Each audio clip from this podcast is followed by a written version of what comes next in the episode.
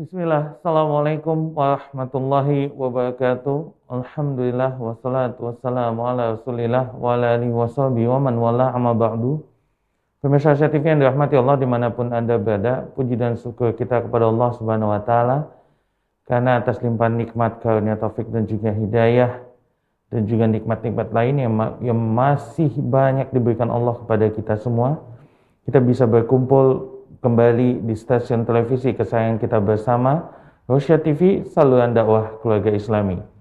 Dan tak lupa, semoga salawat dan salam senantiasa tercurah untuk uswah sana kita, makhluk termulia yang pernah hidup di atas dunia, Nabi kita Nabi besar Muhammad Sallallahu Alaihi Wasallam, dan semoga salat dan salam itu senantiasa tersambung untuk istri-istri beliau, sahabat-sahabat beliau, keluarga-keluarga beliau, dan juga orang-orang yang teguh memegang dan menjalankan sunnah beliau sampai hari kiamat nanti. Pemirsa TV yang dirahmati Allah di mana pun Anda berada, seperti biasa setiap pekannya pada hari Kamis pukul 9.00 waktu Indonesia bagian Barat sampai dengan 10.30 waktu Indonesia bagian Barat. Insya Allah Ta'ala, Asia TV mempersembahkan kajian online serial kajian parenting dengan tema bijak mendidik anak dengan judul Mendidik Anak Usia 2 sampai 7 tahun atau gulam dengan subjudul pada pertemuan kita pagi kali ini adalah saat anak senang bermain dan juga bersenang-senang. Dan insya Allah Ta'ala materi akan disampaikan oleh guru kita Ustadz Abu Salma Muhammad Hafizullah Ta'ala. Dan siaran ini ditayangkan langsung dari kediaman beliau di Depok, Jawa Barat.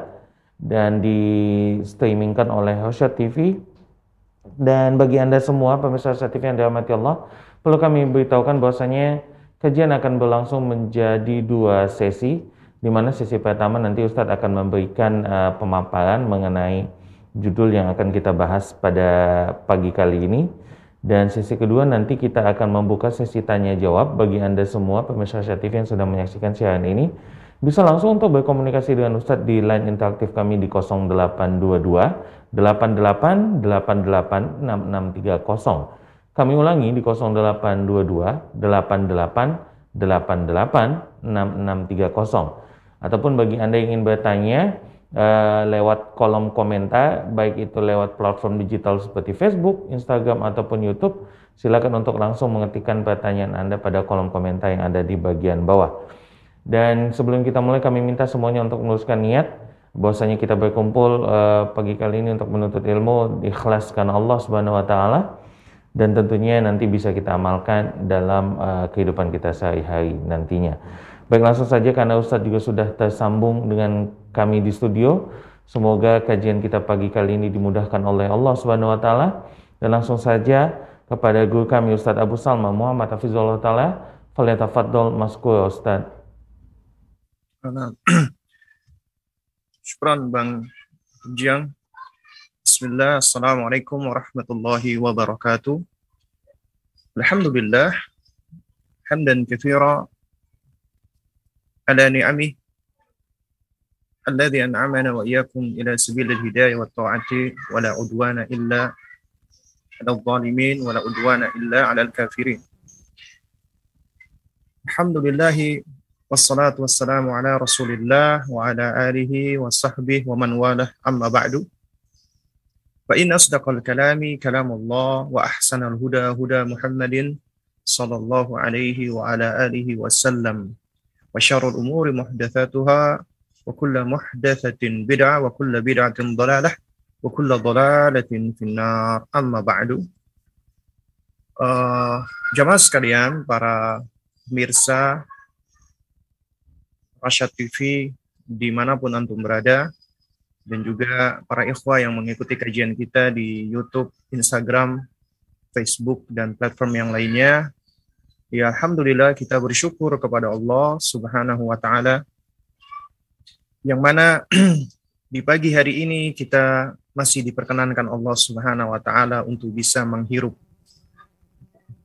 udara pagi, untuk bisa menghirup oksigen, yang mana kita tahu dan kita ketahui bersama sebagian dari saudara-saudara kita mereka sedang kesulitan ya bahkan untuk menghirup oksigen saja mereka membutuhkan alat bantu atau membutuhkan oksigen tambahan. Dan ini adalah nikmat yang sering kali kita lupakan dan kita lalaikan. Dan kita sering kali menjadi ingat dengan nikmat tersebut ketika Allah mengambil sedikit atau sebagian dari nikmat tersebut. Ya. Seperti ketika kita diuji oleh Allah Subhanahu wa taala dengan suatu penyakit sehingga kita kesulitan untuk bernafas. Ya, atau kebutuhan oksigen tubuh kita kurang, akhirnya kita membutuhkan alat bantu. Nah, sehingga dari situ kita sadar nih ternyata ya oksigen yang kita hirup mulai dari bayi hingga saat ini itu sering kali kita lupakan dan kita lalaikan padahal itu nikmat dari Allah Subhanahu wa taala. Dan sering kali kita menghargai sesuatu manakala sesuatu itu hilang dari kita. Ya. Nah, sehingga ketika Allah Subhanahu wa taala mengambil sesuatu dari kita, maka di situ ada hikmah yang besar. Hikmahnya adalah akhirnya kita pun kembali sadar dan mau bertaubat dan mau bersyukur kepada Allah Subhanahu wa taala atas hal-hal yang hilang dari kita tersebut. Ya. Dan ini hanyalah salah satu contoh di antara begitu banyaknya nikmat Allah Subhanahu wa taala yang tidak mampu kita hitung dan sering kali kita lalaikan dan kita lupakan. Dan jamaah sekalian yang menggunakan Allah Subhanahu wa taala, juga di antara nikmat-nikmat yang sering kali Allah Allah berikan kepada kita ya dan sering kali kita lupakan atau kita lalaikan adalah nikmat membersamai anak-anak kita. Ya, nikmat kebersamaan dengan anak-anak kita. Betapa banyak orang tua ya mereka mungkin bisa membersamai anaknya 24 jam dalam sehari. Artinya anak itu selalu dengan orang tuanya. Tapi ternyata kebersamaannya itu seperti sebuah pepatah yang berbunyi wujuduhu ka'adamihi ada nggak adanya sama aja ya keberadaannya sama dengan ketidakhadirannya kenapa karena meskipun tinggal satu tempat satu rumah ya meskipun fisik hadir tapi ternyata hati tidak hadir ya jadi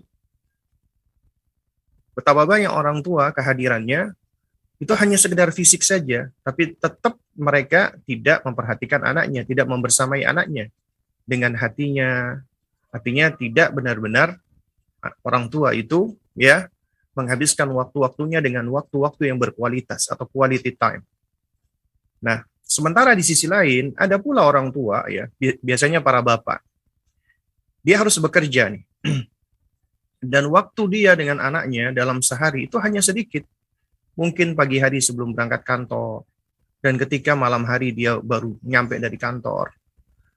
Ya, tapi ironinya, ya, itu sebagian besar dari para bapak ini, ketika sampai ke rumah, yang seharusnya anaknya bisa menjadi kurotul ayun, bisa menjadi penyejuk matanya, penghilang segala kepenatan, kecapean, kelelahan.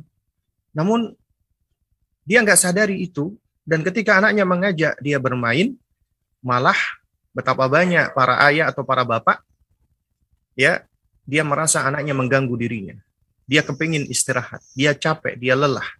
Seakan-akan anaknya itu menjadi penambah kepenatannya dia. Jadi hilang nikmatnya anak. Ya.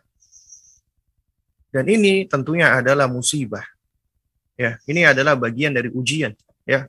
Karena ketika orang tua itu sudah kehilangan rasa ya tentang betapa anak-anaknya itu adalah suatu hal yang nikmat baginya. Oleh karenanya ketika Allah Subhanahu wa taala berikan ujian ya, misalnya anaknya ini mohon maaf, Allah ambil duluan.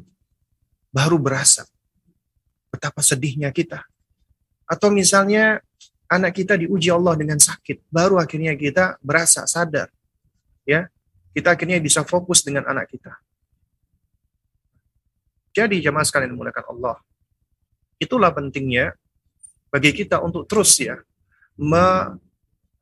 refresh ya pemahaman kita, ilmu kita, pengetahuan kita agar kita sadar dan selalu bisa untuk memperbaharui syukur kita kepada Allah Subhanahu wa taala.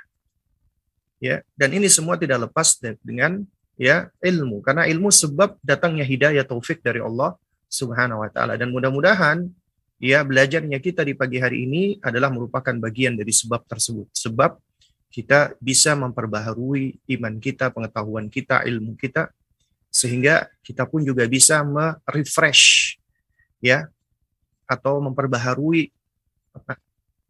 uh, apresiasi kita dan syukur kita dan kita lebih bisa memahami ya momen-momen yang yang sangat penting sekali yang bisa kita berikan untuk anak-anak kita. Karena kelak kita akan pergi meninggalkan anak kita atau anak kita yang pergi meninggalkan kita. Kita tidak akan terus-terusan membersamai mereka. Yang tersisa adalah memori-memori. Dikriat. Tinggal kita mau pilih.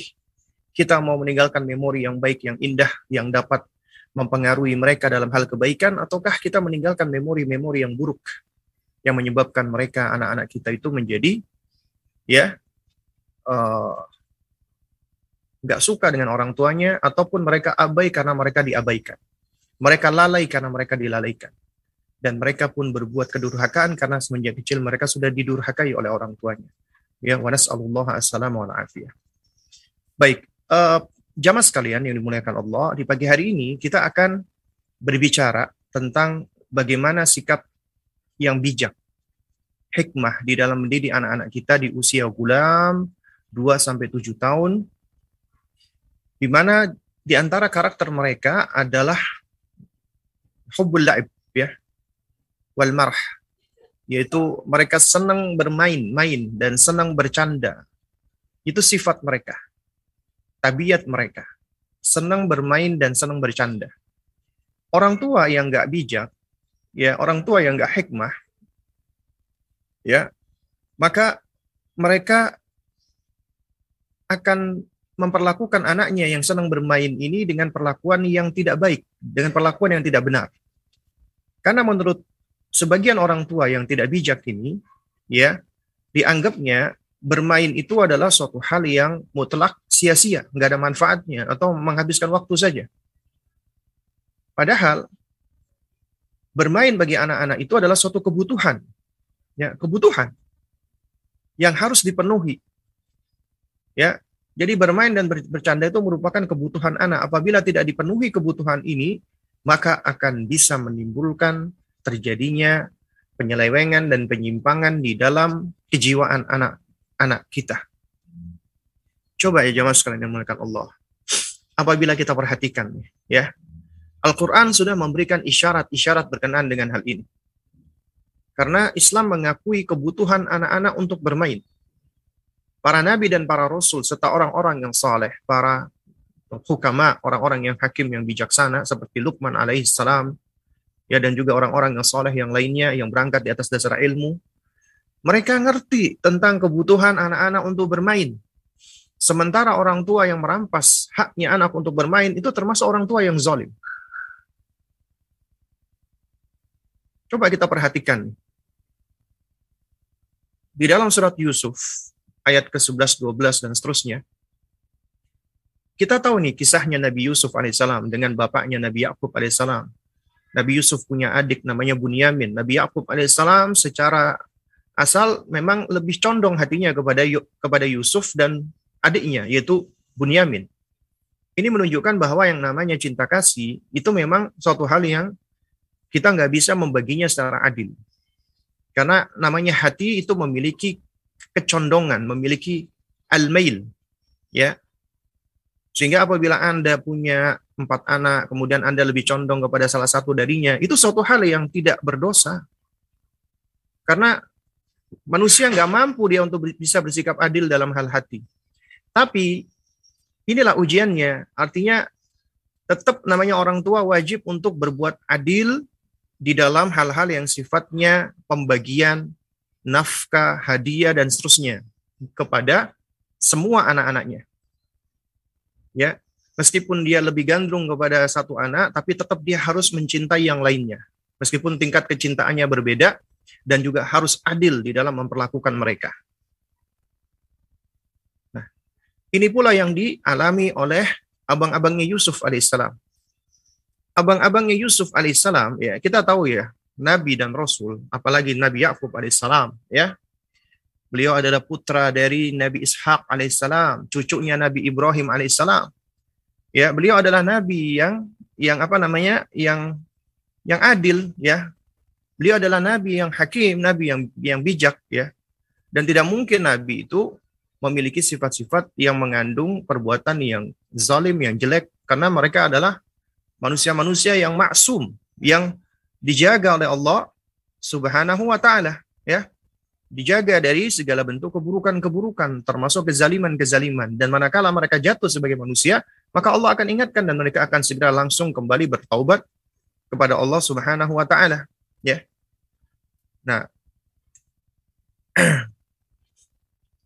dan di antara penyakit manusia yang sering kali dijadikan sebagai senjata oleh syaitan, iblis dan bala dan bala tentaranya yaitu syaitan, adalah menghembuskan hasad, kedengkian-kedengkian di dalam diri manusia. Dan ini suatu hal yang memang sulit untuk bisa kita kita hindarkan. Ya, sebagaimana kondisinya Nabi Yakub alaihissalam.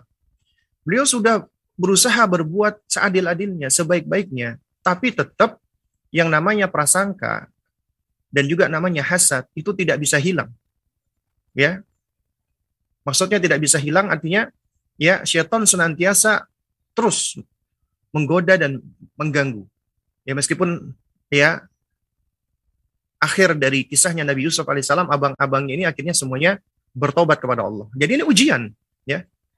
Ujian bagaimana seseorang ketika dia apa namanya uh, merasakan perasaan-perasaan yang mengandung buruk sangka dan yang misalnya, apalagi terhadap ayahnya, apalagi terhadap adiknya. Oleh karena itu ketika Allah Subhanahu wa taala abadikan ucapan mereka di dalam surat Yusuf ayat ke-8 mereka mengatakan idz qalu la yusufu wa akhuhu ahabbu ila abina minna wa nahnu usbah inna abana lafi dhalalim mubin. Nah, bayangkan tuh kata mereka. Ketika mereka, abang-abangnya Yusuf mengatakan, sesungguhnya Yusuf dan saudaranya, yaitu Bunyamin, itu ya lebih dicintai oleh oleh bapak kita, lebih disayangi oleh ayah kita. Padahal kita ini usbah, kita ini lebih kuat. Ya, kita ini adalah satu kelompok, satu golongan ya yang lebih kuat daripada Yusuf alaihissalam dan adiknya. Kemudian apa kata mereka? Sesungguhnya bapak kami lafil dhalalim mubin. Berada di dalam kesesatan yang nyata. Nih bayangkan sampai punya pikiran seperti ini mereka. Akhirnya mulailah muncul syaitan-syaitan yang berusaha untuk memberikan ide-ide keburukan kepada abang-abangnya Yusuf. Ya, ada di antara mereka mengatakan uktulu Yusufa awitrahuhu ardhan yakhlu lakum wajhu abikum wa takunu min ba'dihi qauman salihin.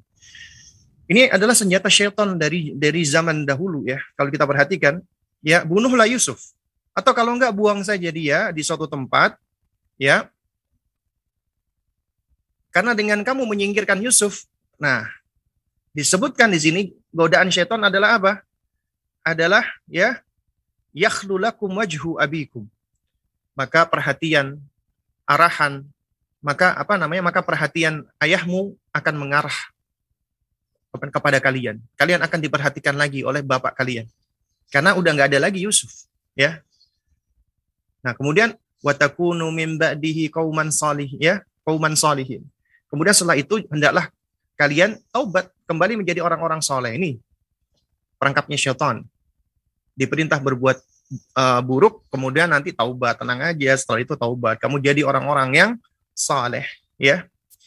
Nah, terus kemudian muncul lagi nih apa ide dari yang lainnya.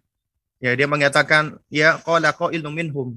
Berkata salah seorang dari mereka, la taqtulu Yusufa. Ya, jangan bunuh Yusuf. Jangan dibunuh. Nah, ini lebih enteng daripada tadi ketika dibunuh, ya. Tapi wa alquhu fi batil jubbi ya yaltaqithu ba'du sayyara in kuntum fa'ilin ya jangan kamu bunuh Yusuf tapi lemparkan atau buang saja dia ke dasar sumur nanti supaya ketika ada musafir dia bisa dipungut kalau kalian memang benar-benar pengen ngelakuinnya jangan dibunuh tapi buang aja ke sumur sumur yang sering dilewati ketika ada orang ngambil air dia akan ketemu Yusuf akan dipungut Yusuf ini ya nah jadi ini di antara apa namanya makar-makar mereka. Makanya ketika Nabi Yusuf alaihissalam di awal-awal kisah, ya Allah berikan spesialis, Allah berikan keistimewaan ya, suatu hal yang spesial kepada Yusuf di antaranya mimpi. Beliau juga mampu mentakbir mimpi karena bapaknya Nabi yang ahli mentakbir mimpi. Ketika beliau bangun dari tidurnya yang beliau cari adalah bapaknya. Ya. Lalu kemudian Nabi Yusuf alaihissalam mengatakan ya, apa ya abati, ya wahai ayahanda, inni ra'aitu ahada asyara kawkaba wa syamsa wal qamara ra'aituhum li sajidin. Aku melihat ada sebelas bintang, matahari dan bulan semuanya sujud kepadaku. Ngomong kepada bapaknya. Lalu kemudian apa jawaban bapaknya Nabi Yakub alaihissalam? Ya, beliau mengatakan qala ya bunayya la taqsus ru'yaka ala ikhwatika wahai nak jangan kamu ceritakan ya mimpimu ini kepada saudara-saudaramu kepada abang-abangmu diberikan larangan. Ini menunjukkan perhatiannya Nabi Yakub alaihissalam karena beliau tahu nih, beliau aware dengan kondisi dari anak-anaknya. Jangan kamu ceritakannya, nak. Mimpimu itu kepada abang-abangmu. Kenapa? Karena mereka memang memiliki kedengkian kepada Yusuf. Sehingga alasan yang diberikan oleh Nabi Yakub adalah fayakidulaka kaida. Fayakidulaka kaida, nanti mereka akan berbuat tipu daya atau makar kepada kamu. Kemudian baru diterangkan oleh Yakub, inna syaitana lil insani adu mubin. Sesungguhnya syaitan itu ya bagi manusia adalah musuh yang nyata. Nah, jadi diterangkan enggak lepas dari perannya syaitan di dalam hal ini. Baik. Kita coba lihat ya, bagaimana abangnya abangnya eh, abang-abangnya Nabi Yusuf alaihissalam itu berupaya untuk membujuk bapaknya. Ini tahu nih bapaknya, abang-abangnya ini punya sifat-sifat buruk atau jelek. Ujian buat Nabi Yakub alaihissalam, ya, buat Nabi Yakub alaihissalam. Ujian, ya, karena beliau diuji dengan sebagian anak-anak yang memiliki sifat-sifat yang gak baik, dengki terhadap adiknya, ya. Bahkan Nabi Yakub alaihissalam juga beliau sadar ini akan akan melakukan keburukan-keburukan nih, akan melakukan makar-makar, ya. Nah, oleh karena itu, ya, ketika abang-abangnya ini mereka melakukan uh, apa namanya pertemuan untuk mencederai Yusuf, apakah dibunuh atau dibuang, akhirnya dilemparkan ke, ke sumur. Sekarang bagaimana ini caranya? Ini? Supaya ayahnya Yakub alaihissalam mengizinkan mereka membawa Yusuf agar supaya bisa di lakukan makar mereka yang sudah mereka rencanakan. Nah, ya. Di ayat yang ke-11, mereka berkata kepada Nabi Yakub alaihissalam, "Qalu ya abana malaka la ta'manna ala Yusuf wa inna lahu lanasihun." Nah, ini perhatikan. Ya. Qalu ya abana, wahai ayahanda, Wahai ayah kami, malaka la ta'manna. Mengapa engkau tidak percaya kepada kami? Ya, mengenai Yusuf. Ya. Wa inna lahu lanasihun. Padahal kami menginginkan kebaikan untuk Yusuf. Nih perhatikan.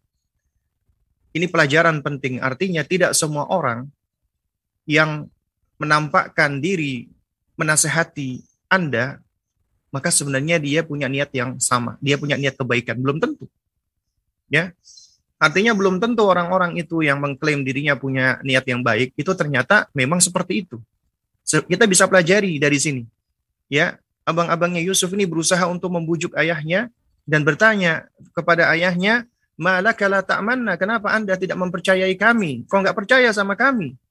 Padahal wa innalahu lanasihun kami ini ya adalah orang yang menginginkan kebaikan untuk Yusuf alaihissalam. Itu alasan mereka, argumentasi mereka. Nah, kemudian coba perhatikan lagi nih.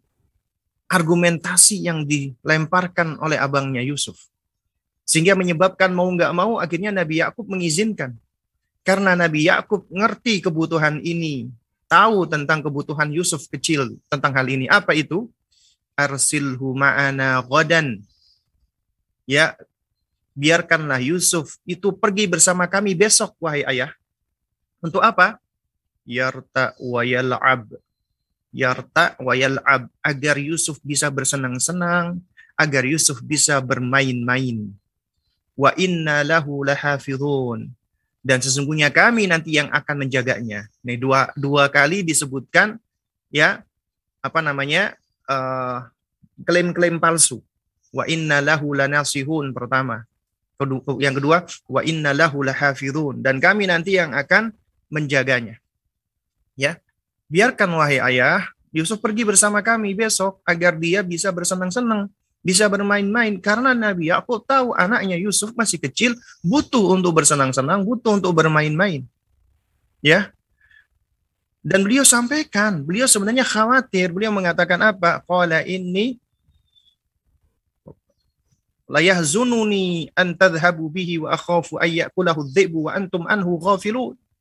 Kata Yakub alaihissalam, ya sesungguhnya kepergian kalian bersama dengan Yusuf itu bisa membuat aku sedih.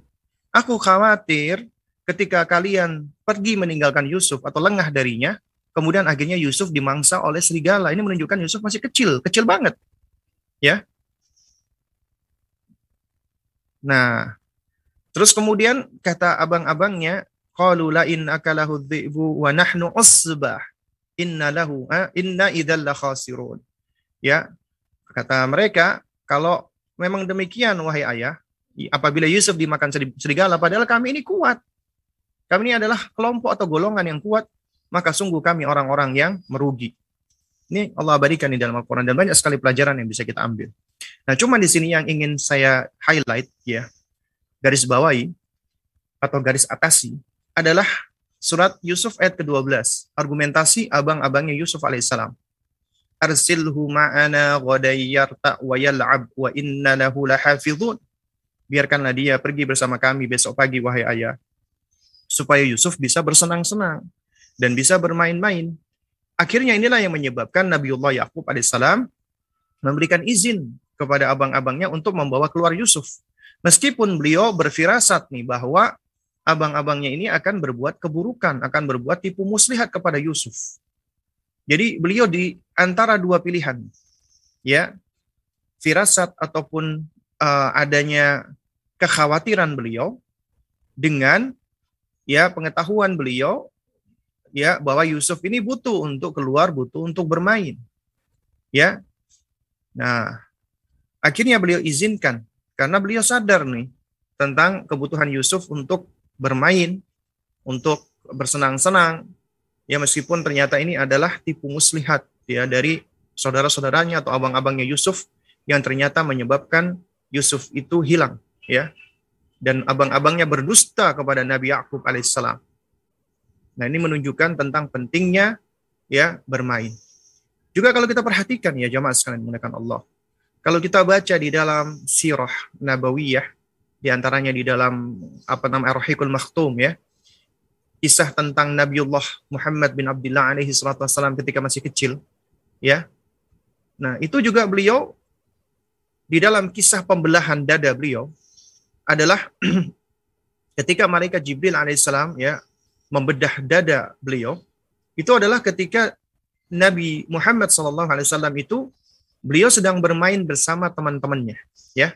Sebagaimana diriwayatkan oleh Imam Muslim ya ini di, di, di diriwayatkan oleh Anas. Artinya Anas mendengarkan cerita ini dari Nabi SAW ya.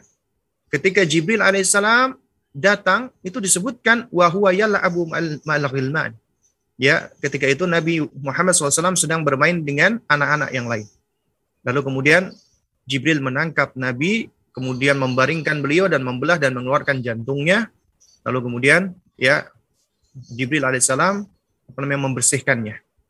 Ya. Nah ini uh, kita bisa lihat di sini ya tentang para nabi dan para rasul pun ketika masih kecil mereka juga senang bermain-main. Juga banyak sekali hadisnya Anas bin Malik, cucu-cucunya Rasulullah itu mereka semua bermain dan ini dipahami dan diketahui oleh Nabi. Ya, diketahui oleh Rasulullah SAW sehingga beliau pun adalah termasuk manusia yang paling hikmah. Ya dan beliau ngerti tentang kebutuhan bermain untuk anak-anaknya, termasuk cucunya. Nah, karena itu jangan heran apabila Nabi itu nggak gengsi beliau ketika beliau dijadikan seperti hewan tunggangan oleh ya Hasan dan Hussein. Artinya Hasan dan Hussein itu menaiki punggung beliau, main kuda-kudaan. Ini Nabi loh, yang mulia alaihi salam. Bahkan ketika Nabi sedang sholat berjamaah, ya di suatu sholat kalau tidak salah di sholat asar ya. Lalu beliau membawa Hasan dan Hussein ketika sholat. Lalu di salah satu sujudnya beliau, beliau sujud dengan begitu panjangnya, lamanya. Sampai-sampai para sahabat itu mengira bahwa sedang terjadi sesuatu dengan Rasulullah atau sedang turun wahyu. Ya. Nah, sehingga itu menyebabkan ada salah satu sahabat yang menoleh melihat apa yang terjadi. Ternyata Hasan dan Hussein naik di atas punggungnya Nabi ketika sedang sujud.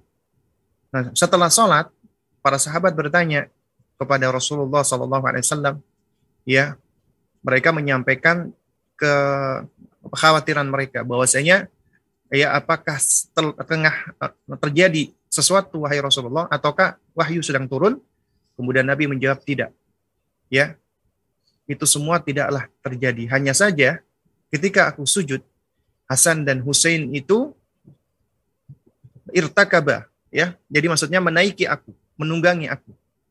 Dan kata Nabi SAW ya, dan aku tidak suka ya apabila aku mempercepat ya apa yang dilakukan oleh kedua cucuku ini sebelum mereka puas. Ternyata Nabi ngerti tahu kebutuhan anak-anak untuk bermain. Dan kita tahu ya, itu anak-anak adalah qurratul ayun. Tapi Nabi di dalam riwayat yang lain itu beliau mengatakan wa ju'ilat as-salatu aini. Dan dan dijadikan salat itu sebagai penyejuk mataku. Artinya, salat adalah penyejuk matanya Nabi Shallallahu alaihi wasallam. Dan Nabi SAW adalah manusia yang paling ya luar biasa di dalam sholatnya, paling khusyuk, paling tuma'nina dan seterusnya. Meskipun demikian, Rasulullah Shallallahu Alaihi Wasallam tetap menyadari tentang kebutuhan bermain buat anak-anak masih kecil. Makanya ketika Hasan dan Hussein menaiki punggung beliau, beliau nggak langsung singkirkan dengan begitu saja. Ditunggu sampai akhirnya mereka turun dari punggungnya Nabi, baru kemudian Nabi beranjak, bangun dari sujudnya. Ini menunjukkan tentang manusia-manusia yang luar biasa, yang hebat, ngerti tentang kebutuhan sekali lagi, kebutuhan anak di dalam bermain.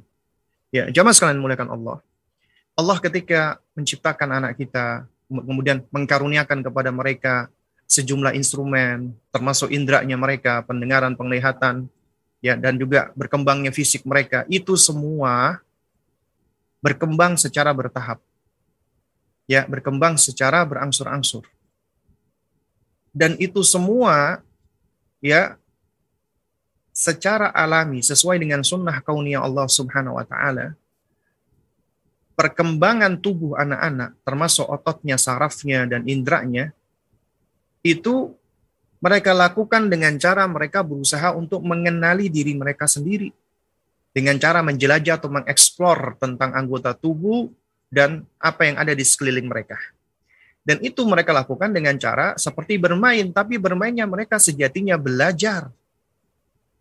Jadi anak-anak itu di dalam bermain itu mengandung pelajaran. Jangan sampai orang tua keliru dipikir anak-anak bermain itu cuma bermain doang. Ya, nggak ada manfaatnya. Padahal di balik permainan itu manfaatnya luar biasa karena itu bagian dari pembelajaran mereka.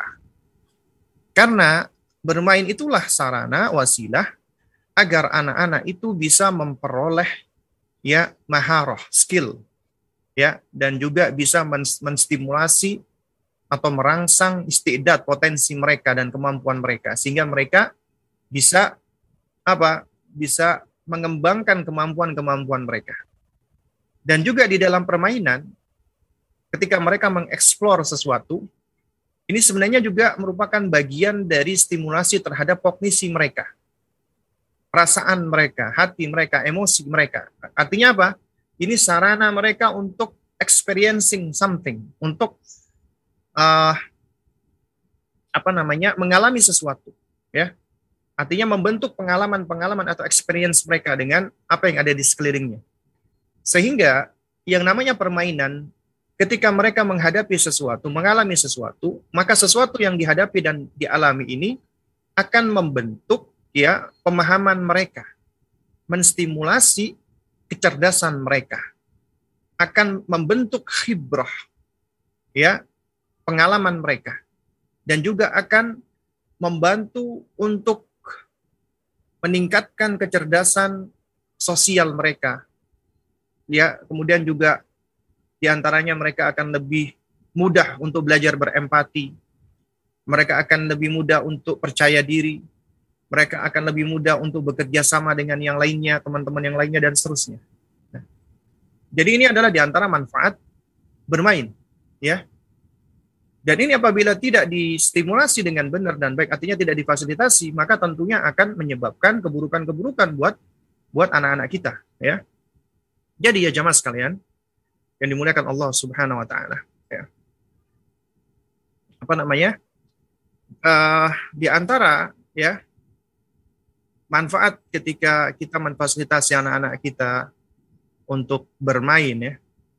Itu ini akan apa namanya akan menjadikan uh, apa namanya anak-anak kita itu ya mereka memiliki berbagai macam eh, hal-hal uh, positif ya dan juga akan merangsang uh, kemampuan mereka ya dan itu adalah suatu hal yang insya Allah positif ya. Ya.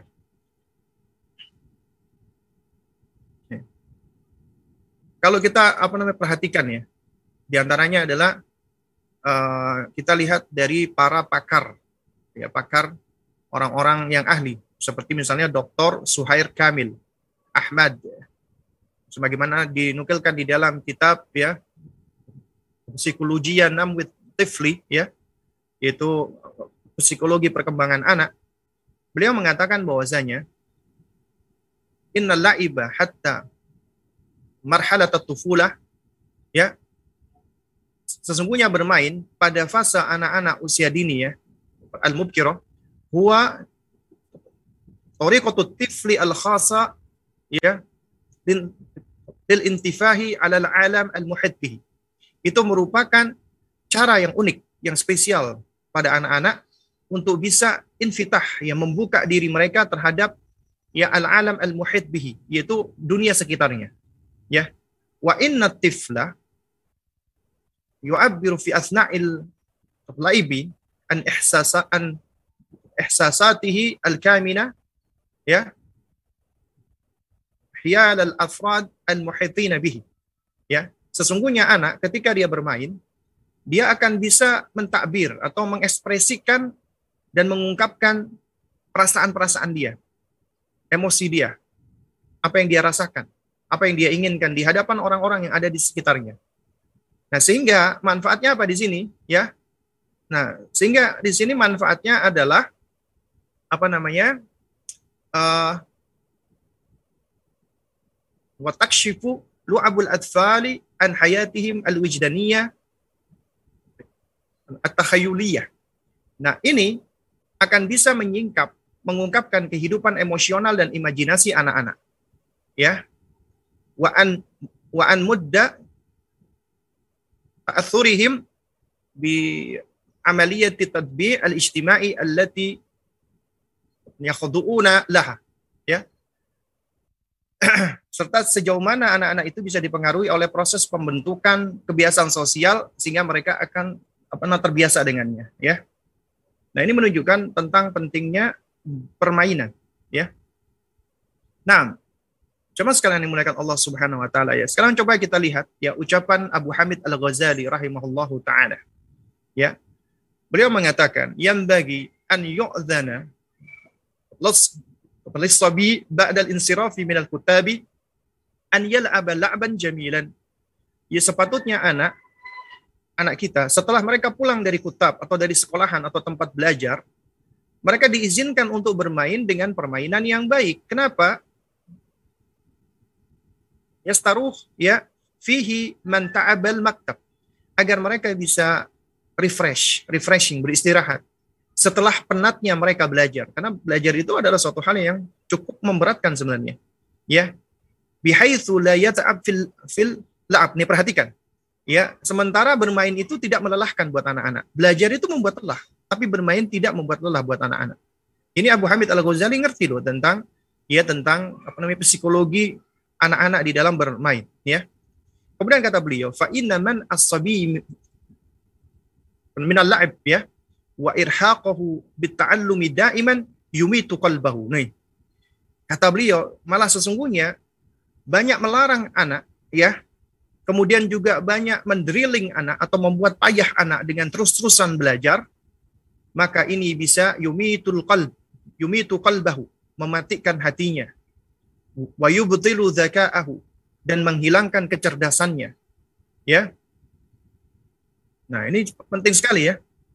Nah, kemudian apa yang muncul?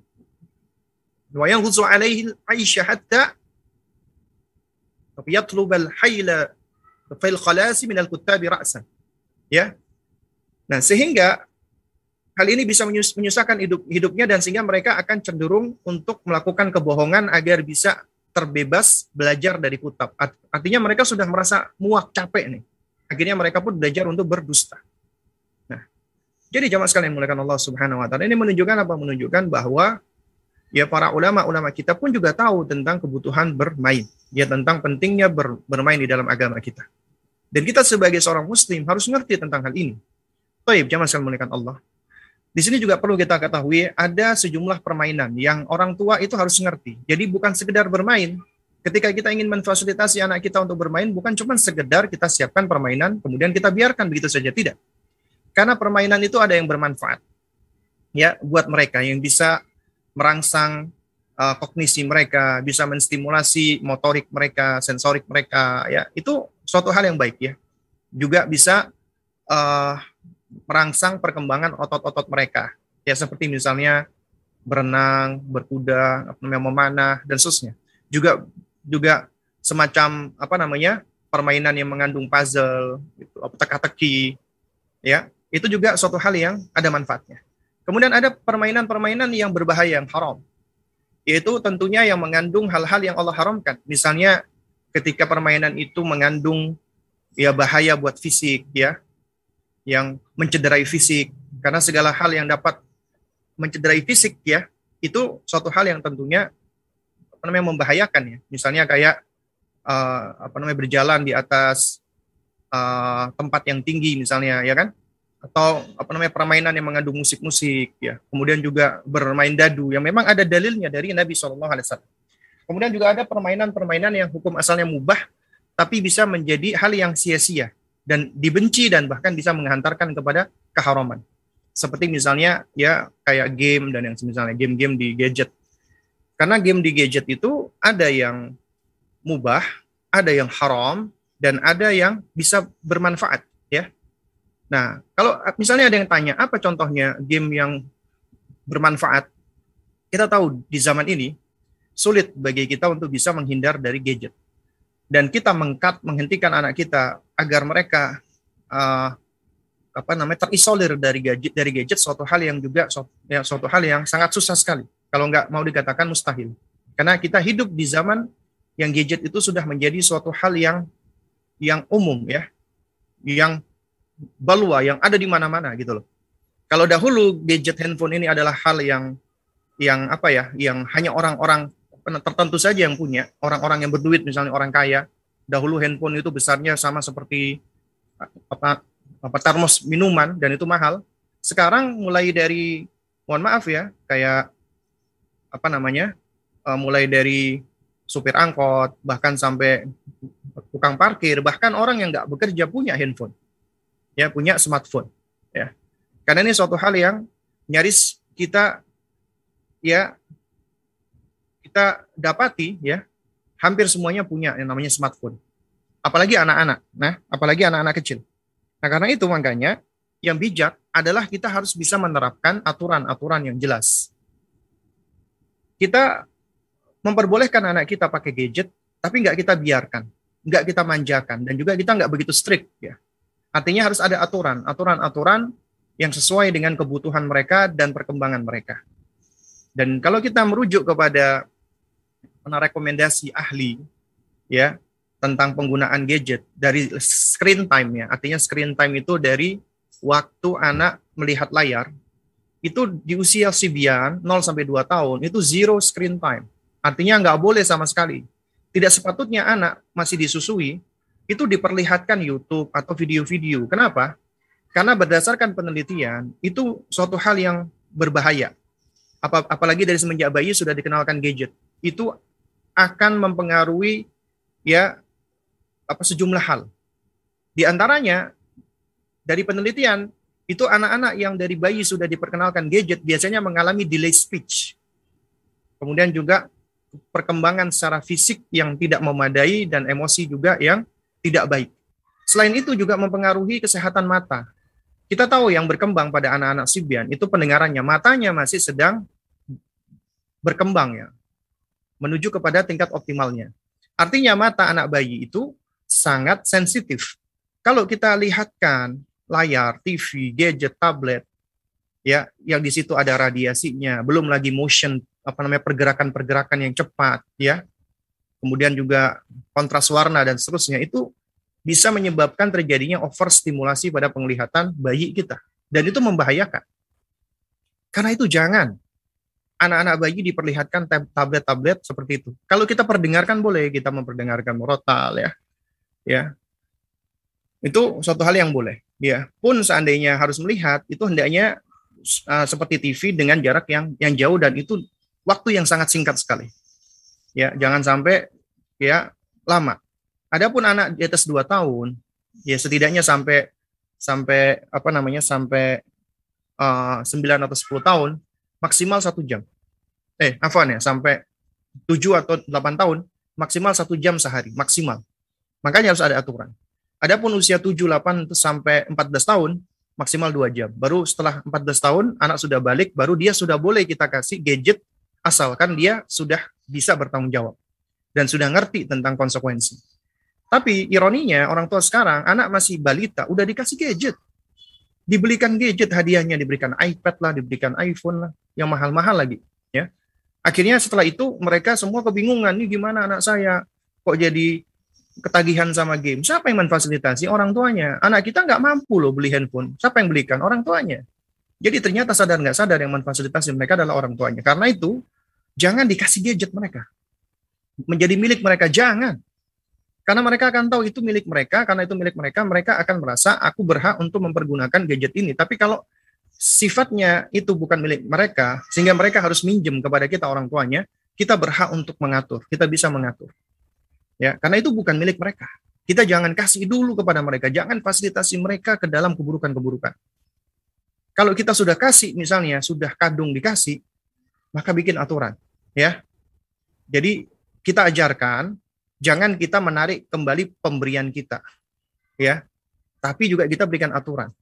Ya, Abi sama Umi kasih kamu ini supaya kamu bisa belajar supaya kamu. Jadi kalau misalnya kamu uh, nggak mau dengerin Abi sama Umi, kamu nggak mau ikut aturan, Abi sama Umi berhak untuk menarik apa namanya uh, handphone kamu.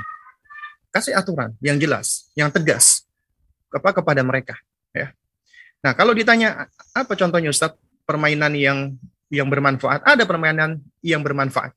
Kita tahu seperti misalnya pengenalan huruf apa hijaiyah itu gamenya ada, ya. Sehingga uh, ketika hurufnya muncul, ya misalnya huruf ba, nah jadi mereka disuruh milih, ya. Jadi ketika itu ada suara yang keluar, alif, ba atau tak, nah nanti dia disuruh milih ini apakah yang yang apa suara pertama, yang kedua ataukah yang apa yang ketiga ya. Atau namanya permainan misalnya puzzle ya. Jadi itu juga suatu hal yang yang apa namanya yang bisa merangsang ya kognisi mereka. Apa kecermatan mereka juga misalnya permainan melihat atau membandingkan dua gambar yang tampak identik tapi ada misalnya lima atau sepuluh perbedaan ya.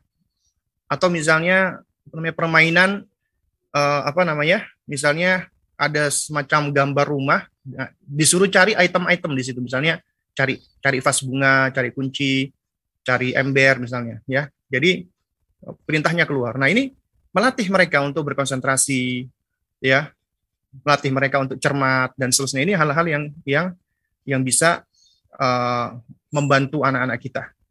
Ya, jadi ini tentunya ada manfaatnya. Lalu kemudian yang gak ada manfaatnya misalnya kayak game-game balap-balapan seperti itu ya. Itu adalah suatu hal yang tidak ada manfaatnya. Dan kemudian ada game yang haram ketika di dalamnya ada ada pornografinya, ada musiknya, ada uh, kriminalitasnya, ada apa namanya?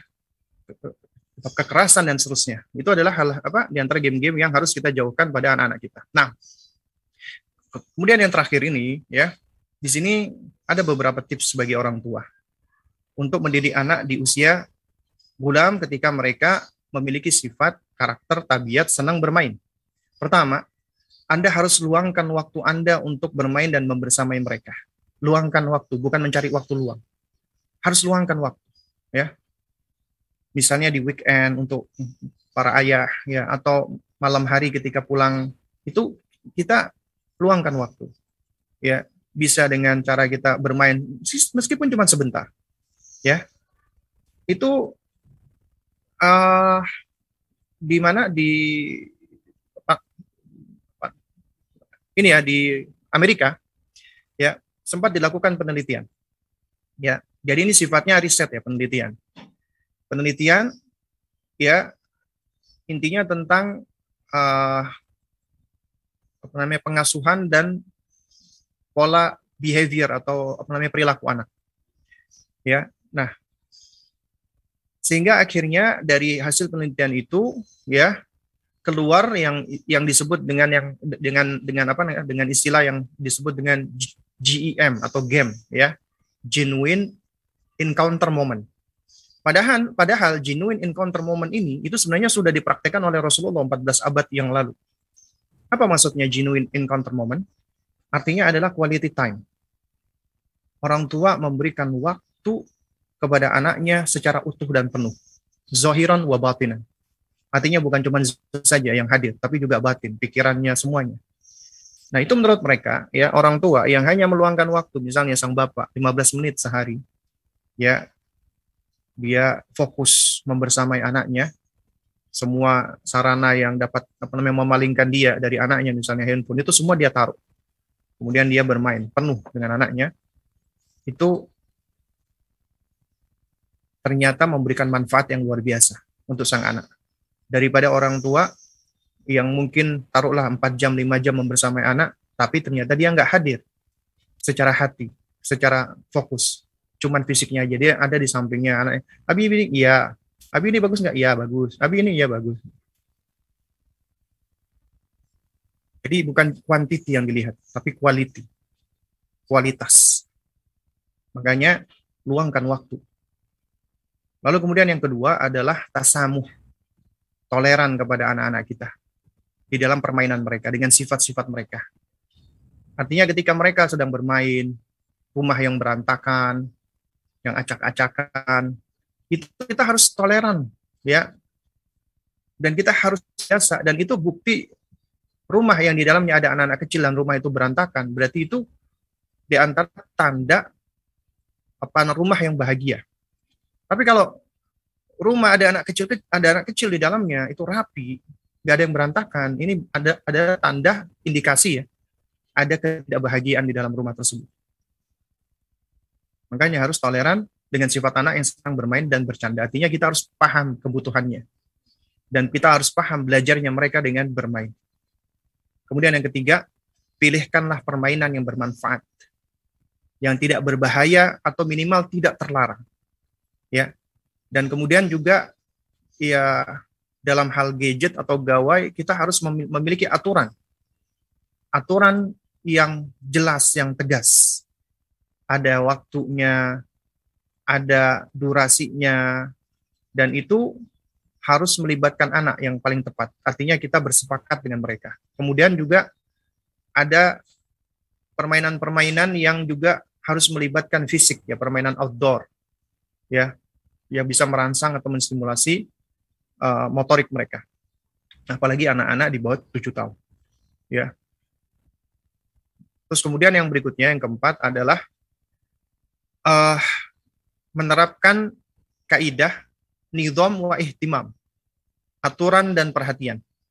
Aturan dan perhatian. Nizam wa ihtimam. Berikan aturan, berikan perhatian. Karena orang tua yang hanya memberikan aturan tidak dengan perhatian, itu orang tua yang tiran, diktator. Anak menjadi ya kelak bisa menjadi pemberontak. Karena dia merasa ditindas oleh orang tuanya. Atau anak yang cuma memberikan ihtimam tapi tidak memberikan nidom, cuma memberikan perhatian tapi nggak memberikan aturan. Dia terlalu memanjakan anak menjadi orang tua yang permisif. Semua-semua dibolehin. Akhirnya menjadi faudo, menjadi kacau. Anak menjadi kacau berantakan, ya. Karena nggak karena nggak tahu aturan dan nggak punya aturan. Karena itu harus nidom wa ihtimam, aturan dan perhatian. Ya, dan untuk memberikan idham wa ihtimam ini adalah dengan cara mengajak mereka bersepakat. Bermusyawarah dengan mereka. Untuk menentukan aturan. Membuat rutinitas dan jadwal bersama. Itu penting. Karena rutinitas atau jadwal yang mereka bikin dan mereka sepakati, maka itu akan melatih mereka pertama ya manfaatnya adalah mereka merasa diakui, mereka merasa dihargai oleh orang tuanya. Dan yang kedua, apa namanya mereka juga akan merasa lebih pede, lebih percaya diri. Yang ketiga, mereka juga akan belajar bertanggung jawab. Dan yang keempat, mereka akan belajar konsekuensi. Karena itu adalah aturan yang sudah dia bikin, yang sudah dia buat, sehingga kita bisa bersikap tegas kepada mereka. Ya, tegas itu bukan artinya atau keras ya, tidak, beda keras sama tegas. Karena sering kali ya orang yang lemah lembut bisa tegas, Sementara orang yang kasar sering kali tidak bisa bersikap tegas. Ya. Terus kemudian ya, yang terakhir ya karena waktu ya, kita harus juga memahami ada rukhsah, keringanan-keringanan yang diberikan bagi anak-anak. Artinya itu suatu hal yang boleh buat mereka, tapi tidak untuk orang-orang dewasa. Karena ya sebagian ulama ya dari dari ahli pendidikan itu mengatakan uh, apa namanya yughtafaru listigari ma la yughtafaru lil kibari. Ya, dimaafkan bagi anak-anak tapi tidak untuk orang-orang dewasa. Contoh misalnya bermain boneka. Ya. Memang ulama khilaf ya antara boneka yang utuh ya. Utuh seperti boneka Barbie dengan boneka yang tidak utuh ya. Ulama khilaf. Ya. Sebagian ulama mengatakan yang utuh tetap nggak boleh tapi sebagian lagi berpendapat boleh karena ini keringanan buat buat mereka. Artinya diperbolehkan anak-anak bermain boneka-boneka yang utuh kayak boneka panda, boneka hewan, boneka Barbie ya. Yang meskipun itu utuh ya. Jadi ini ini adalah diberikan keringanan untuk mereka untuk anak-anak. Juga termasuk seperti misalnya laki-laki, anak laki-laki bermain apa apa ini ya, apa namanya? figur ya, figur kayak apa apa robot-robotan ya seperti itu ya ataupun superhero. Tapi tentunya suatu hal yang baik adalah kita tidak memperkenalkan super superhero dari ya tokoh-tokohnya orang-orang kafir. Karena tidak banyak manfaatnya, bahkan mungkin bisa menimbulkan keburukan-keburukan. Tapi sering kali sedikit banyak anak kita akan bisa dipengaruhi karena saking besarnya ya media-media mereka. Jadi mereka pasti kenal nih Superman siapa, Batman siapa dan seterusnya. Ya, nah, kalau kita berbicara secara hukum asal itu boleh-boleh saja. Mereka misalnya punya tokoh-tokoh figur ya yang berbentuk Batman, Superman dan itu secara asal boleh karena ini adalah keringanan buat buat mereka. Meskipun itu berbentuk makhluk bernyawa. Tapi dijadikan sebagai permainan, tidak untuk dipajang, tidak untuk dikoleksi oleh orang dewasa, ya. Kemudian juga cerita-cerita yang bergambar. Tentu beda dong. Bukunya orang dewasa itu beda sama buku anak-anak. Buku anak-anak itu tulisannya sedikit, gambarnya banyak dan colorful ya. Adapun buku orang dewasa ya sebagaimana kita tahu buku-buku biasanya banyak tulisannya. Ya, karena kita sudah lebih mampu untuk memahami sesuatu yang kita baca ya, kemudian kita bisa menghadirkan di dalam benak kita. Ya, maknanya, kemudian ketika ada gambaran deskripsi kita lebih mampu untuk memahami beda sama anak-anak. Anak-anak itu dia harus menangkap dulu sesuatu yang yang konkret agar bisa membentuk kemampuan dia memahami sesuatu yang abstrak. Nah, di antaranya dengan gambar-gambar. Itu boleh sebenarnya. Ya. Meskipun itu gambarnya gambar utuh, ya. Jadi ada sebagian ulama berpendapat meskipun itu gambar utuh untuk anak-anak boleh. Tapi tentunya yang menjadi muskilah adalah bagi yang menggambar. Karena yang tentunya yang gambar kan orang dewasa. Ya. Karena yang menggambar adalah orang dewasa, maka dikhawatirkan dia jatuh kepada hukum taswir. Hukum taswir berarti dia menggambar makhluk bernyawa. Dan berbeda ya antara musawir, orang yang menggambar dengan orang yang melihatnya, artinya melihat gambarnya dia. Itu nggak bisa disamakan.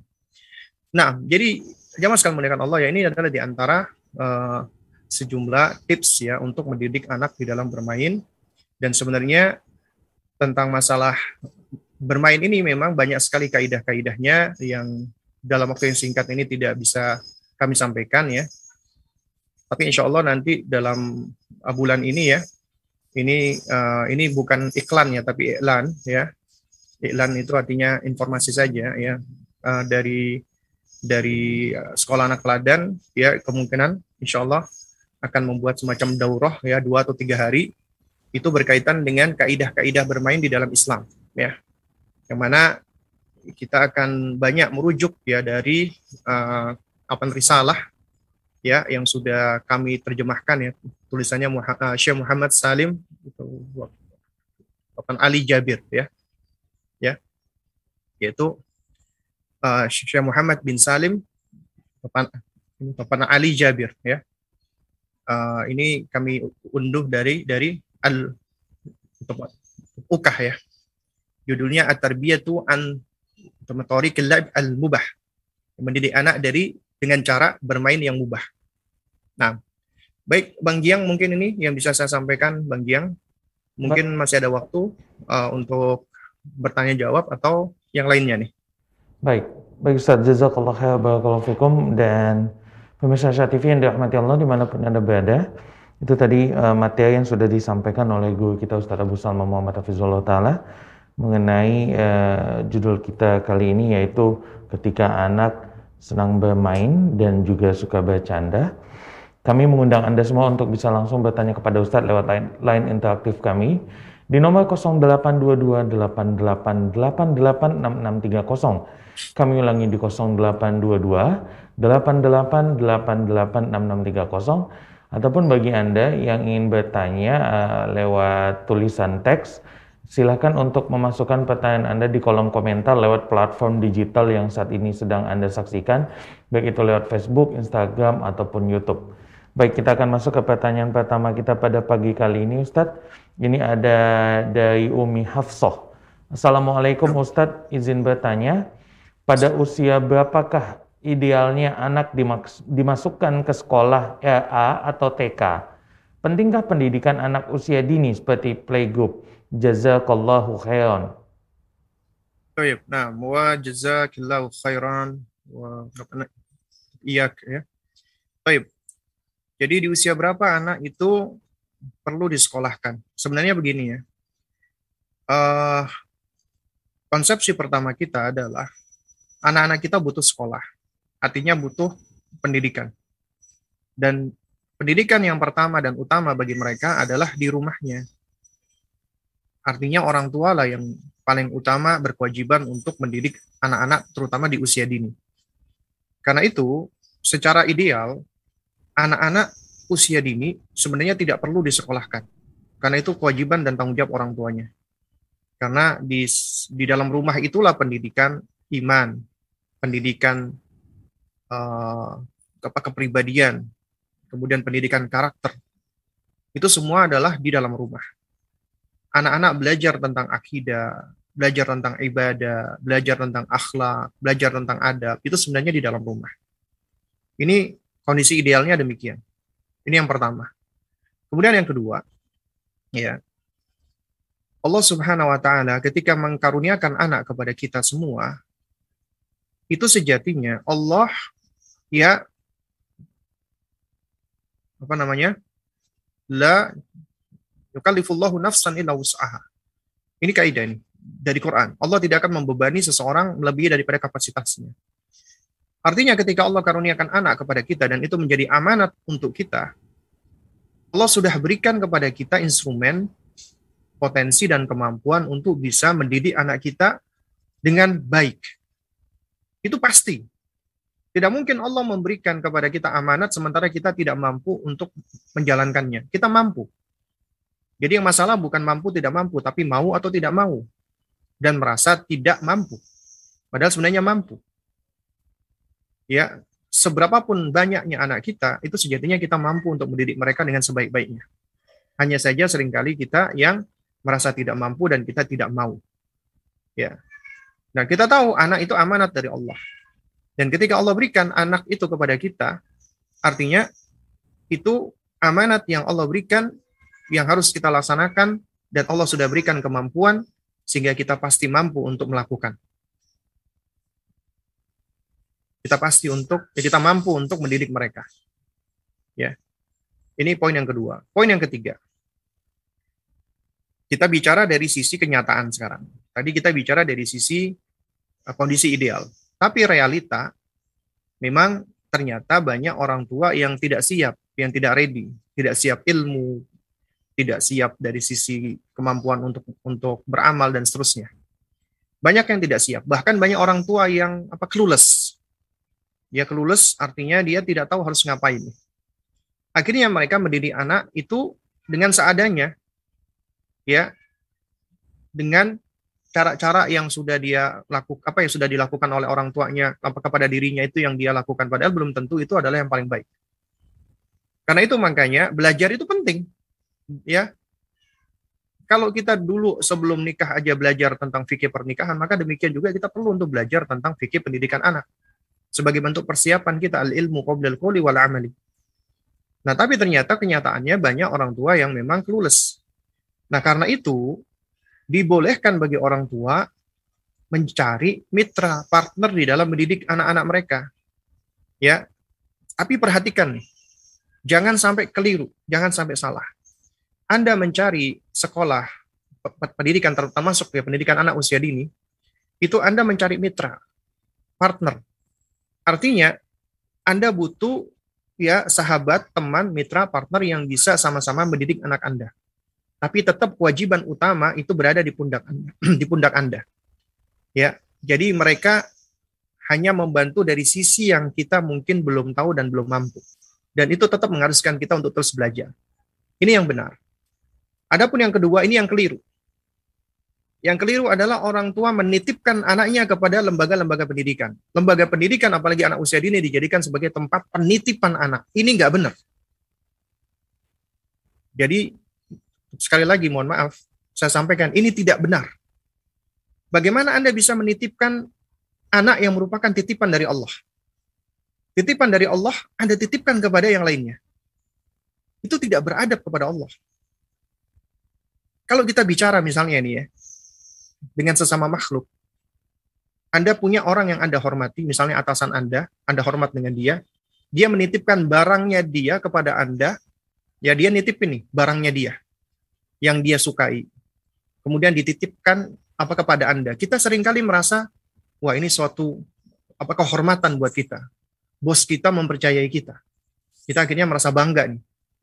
Nah, kira-kira ya layak enggak sih orang yang dititipkan oleh bosnya ini kemudian dia titipkan barang itu kepada yang lainnya?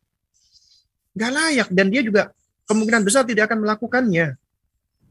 Lantas bagaimana ini dengan titipan dari Allah? Ini makhluk loh, nggak ada apa-apanya. Ini Allah yang memberikan titipan. Masa kita titipkan lagi ke orang lain?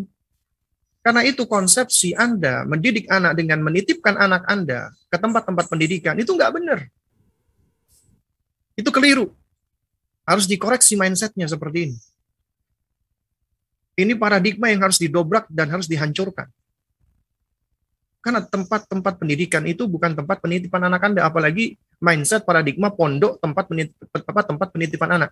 Kadang-kadang orang tua udah capek deh. Mending dipondokin aja deh. Capek menghadapi anaknya, kemudian dipondokin anaknya. Padahal itu kewajiban Anda untuk mendidik pertama kali mereka, anak-anak Anda. Ini mengharuskan kita sebagai orang tua harus belajar. Jangan karena kita malas belajar, nggak mau belajar, akhirnya ya sudah kita carikan tempat-tempat belajar. Kemudian akhirnya kita melupakan dengan diri dengan diri kita sendiri. Jadi seharusnya adalah kita boleh mencari tempat-tempat pendidikan ketika memang dibutuhkan dan kita belum mampu untuk memberikan, ya, maka kita cari mitra. Ya, cari sekolah yang bisa menjadi mitra agar kita bisa memberikan hal-hal yang baik untuk anak kita. Sembari kita tetap belajar. Karena itu cari sekolah yang memang mengusung ya visi dan misi dan tujuan pendidikan sebagai mitranya orang tua. Artinya orang tua juga dilibatkan di dalam pendidikan. Juga harus dilibatkan di dalam hal apa namanya? kayak uh, kajian-kajian keislaman atau parenting. Ini seharusnya demikian. Jadi kalau ditanya di usia berapa, ya sebenarnya kalau kalau kita takmim ya kita generalisir maka tentunya sulit ya. Tapi secara umum memang anak-anak ketika udah usia eh, lima tahun enam tahun empat tahun lima tahun enam tahun ini adalah usia yang mereka sudah siap untuk belajar di sekolah anak usia dini karena di antara manfaatnya mereka akan belajar bersosialisasi dengan teman-temannya ya itu penting ya tapi apabila anda tidak tidak tidak menyekolahkan juga juga juga apa namanya tidak mengapa karena mereka sebenarnya masuk usia sekolah benar-benar ready untuk sekolah di usia tujuh tahun. Makanya di bawah tujuh tahun disebut dengan usia prasekolah. Artinya persiapan mereka untuk siap atau ready untuk belajar. Ya, karena itu apabila Anda mampu untuk menstimulasi anak-anak Anda, ya, anda mampu untuk mendidik mereka dari sisi akidahnya, agamanya, adabnya, akhlaknya, dan Anda bisa menstimulasi sesuai dengan perkembangannya, maka silakan Anda didik sendiri. Tapi kalau misalnya kita belum mampu, boleh kita mencari mitra lembaga pendidikan yang bisa membantu mungkin untuk menstimulasi secara perkembangan anak sesuai dengan perkembangan anak. Ya. Kemudian kita tetap harus menjadi yang terdepan di dalam membangun fondasi akidah, iman, akhlak, adab, karakter dan seterusnya. Itu tugasnya kita orang tua. Wallahu a'lam Baik, baik Ustaz. Jazakallah khairan. Barakallahu fikum atas jawabannya. Semoga tadi bisa uh, menjadi pencerahan buat Umi Hafsah yang bertanya. Baik, kita akan coba sapa. Ini sudah ada yang tersambung di line interaktif kami. Assalamualaikum warahmatullahi wabarakatuh. Waalaikumsalam warahmatullahi wabarakatuh. Dengan Bapak siapa di mana? Dengan Leo Abu Sabit di Bekasi. Pak Abu Sabit di Bekasi. Pak Abu Sabit silakan untuk langsung bertanya kepada Ustadz, Pak. Alhamdulillah jazakallahu khairan. Assalamualaikum warahmatullahi wabarakatuh, Ustaz. Waalaikumsalam warahmatullahi wabarakatuh. Ahlan wa sahlan bikum. Ahlan bik Ustaz. Barakallahu fikum Ustaz dan jami'an semua. Wafik barakallah. Nah, Ustaz, uh, Anda mau tanya terkait uh, ada asar yang berbunyi bahwa pena malaikat itu akan diangkat dalam tiga kondisi nih Ustaz. Pertama kondisinya ketika manusia itu sedang tidur. Kedua uh, kondisinya ketika manusia itu tidak apa tidak sehat ya akalnya artinya gila nih Ustaz sampai dia sadar dari gilanya. Yang ketiga itu uh, anak yang dari bayi sampai dengan mereka balik ya Ustaz ya. Balik ya. Nah, uh, yang anda tanyakan Alhamdulillah Anda dikaruniai anak tuh yang cenderung menurut Ustaz. Jadi beliau Alhamdulillah sampai saat ini sudah ada satu juz hafalannya, juz ama. Kemudian dia juga kalau disuruh sholat juga nurut gitu Ustaz. Nah, anak itu kasih uh, semacam semangat seperti Anda bilang, ini Alhamdulillah pahalanya besar, pahalanya besar gitu kan Ustaz ya. Nah, kalau hmm. mengacu pada asar yang tadi Ustaz, bahwa sebenarnya tidak ada pena yang mencatat amalan ini, kemudian Anda sendiri kan bilang ke anak bahwa ini pahalanya besar. Ini bagaimana Ustaz? Apakah nah. semangat yang Anda berikan ini uh, benar atau tidak gitu Ustaz? Baik. Ya, nah, nah, nah, barakallahu fik ya. Baik, jemaah sekalian mulakan Allah. Ini uh, pertanyaan bagus ya. Karena di dalam hadis Nabi yang mulia alaihi wasallam Nabi mengatakan eh, di apa di dalam sebuah riwayat dikatakan narufi al-qalam an thalatha ya. Jadi pena diangkat dari tiga jenis manusia ya. Yang pertama adalah apa namanya? Uh, anis sobi ya hatta ya, ini apa namanya yahtalima atau hatta ya belum ya Ya, ya ini, ya ini dari dari masih kecil ya dari bayi sampai dia balik atau sampai dia sudah bermimpi. Ya itu tanda seseorang sudah balik ya. Wa anil majnun hatta ya fiq ya dari orang yang gila sampai dia sembuh.